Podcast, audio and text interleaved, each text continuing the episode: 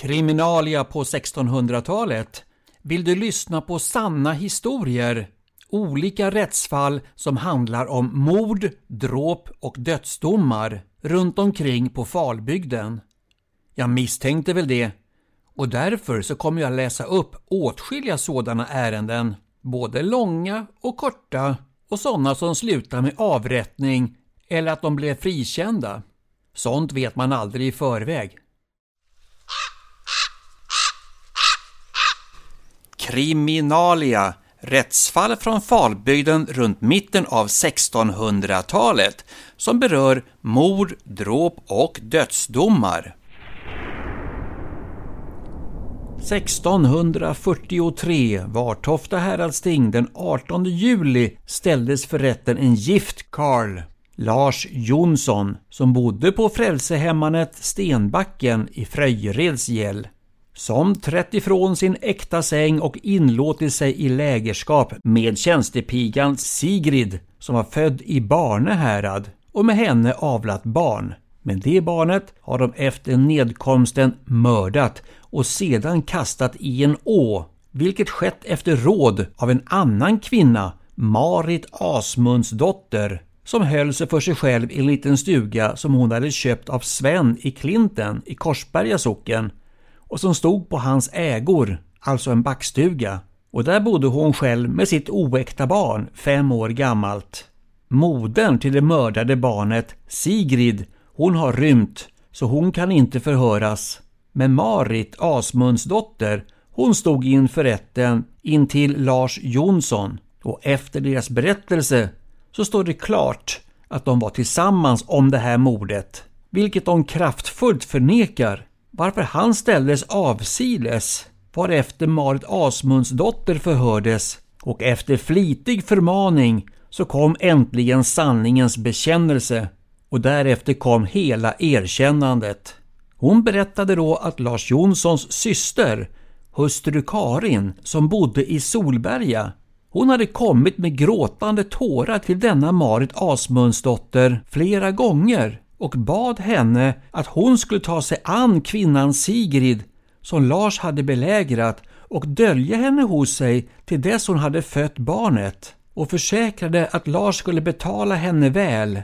Omsider så lovade Marit Asmundsdotter att hjälpa till och någon tid därefter kom Lars själv och hans syster Karin till denna Marit Asmundsdotter och begärde detsamma av henne, nämligen att Marit Asmundsdotter skulle ta sig an Sigrid tills hon födde barnet, vilket hon lovade att göra. Men hon frågade också Lars hur hon skulle göra med barnet när det hade blivit fött. Lars svarade och sade Det tål inte mycket, så tag lite på det med handen samt gör eld i ugnen och bränn upp det. Detta skedde i februari månad år 1643 när det långsamt nalkades mot påsk. Då kom Lars syster Karin till denna Marit Asmundsdotter och hade den andra kvinnan Sigrid med sig. Och när hon hade varit där i sex dagar så kom Lars också dit.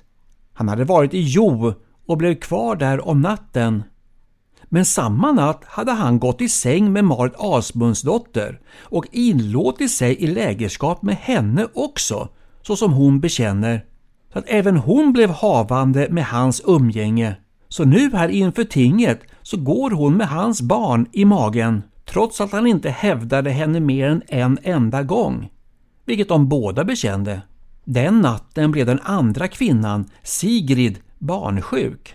När Lars upptäckte det gick han tidigt om morgonen i gryningen sin kos och en liten stund därefter föddes barnet. Då ville Marit Asmundsdotter bära bort det till någon gård för att lägga ut det så det kunde överleva.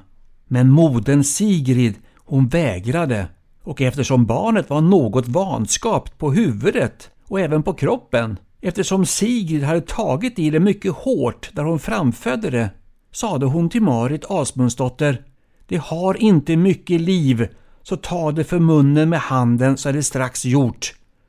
Vilket Marit också gjorde och strax var anden borta. Sedan bad modern Sigrid att hon skulle kasta det till hunden, men Marit nekade och bad om att hellre få gräva ner det på ett annat ställe, vilket de också gjorde.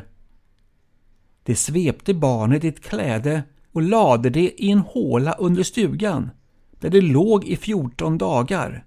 Då kom fadern Lars dit en natt och han och modern och Marit Asmundsdotter tog upp barnet ur hålan och gick alla tre ner till ån.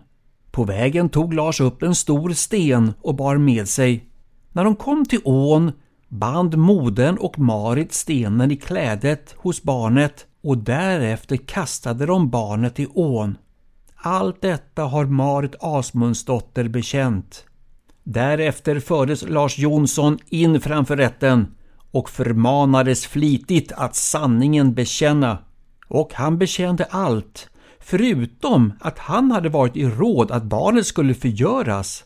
Därtill nekar han alldeles. Men Marit säger sig vilja dö därpå att det var sant, att Lars hade gett rådet att mörda barnet. Då ställdes Lars syster Karin inför rätten och hon bekände, liksom Marit, att när Lars Jonsson kom till Marit och Karin följde med och Lars begärde att Marit skulle ha Sigrid hos sig, då hade Marit frågat vad hon skulle göra med barnet och att Lars hade sagt att hon skulle ta på det med handen och sade att det tål inte mycket och bad att de sedan skulle kasta det i ugnen för att brinna upp. Omsider, efter långsam och flitig förmaning, kom också Lars Jonsson till samma bekännelse som de andra och sade sig inte kunna neka till att det var hans råd och samtycke att barnet skulle mördas.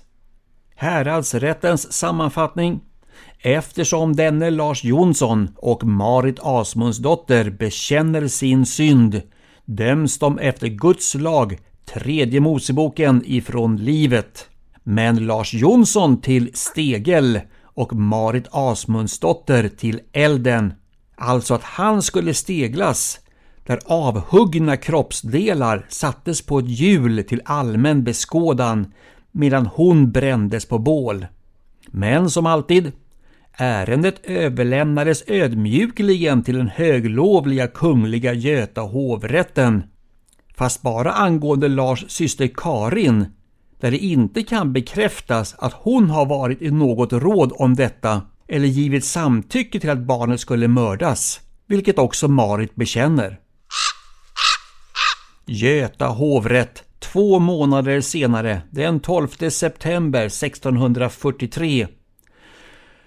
Lars Jonsson och Marit Asmundsdotter mördare. En dom från Vartofta härad över Lars Jonsson, gift, som har lägrat sin legokvinna, alltså tjänstepiga, Sigrid. Och därefter har Lars Jonsson även lägrat en kvinna, Marit Asmundsdotter, vilken nu är havande. När Sigrid fött sitt barn hos Marit ute i en backstuga som Marit bodde i bad Sigrid att Marit skulle lägga handen på barnets mun, vilket hon gjorde och strax var barnet dött och nedlagt i en håla som var under stugans golvbräder. Där låg det i 14 dagar och därefter kom Lars dit, vilken tidigare hade givit rådet till mordet och att barnet strax efter födelsen skulle uppbrännas.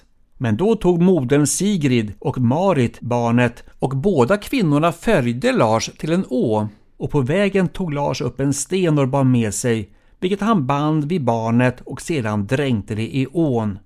Sigrid har inte dömts eftersom hon har rymt, men Lars och Marit har bekänt sin synd. Beslut Landshövdingen ska rätta sig efter ordinationens sjuttonde punkt med Lars och sedan med Marit när hon har fött sitt barn. Alltså, båda ska avrättas precis som det är sagt.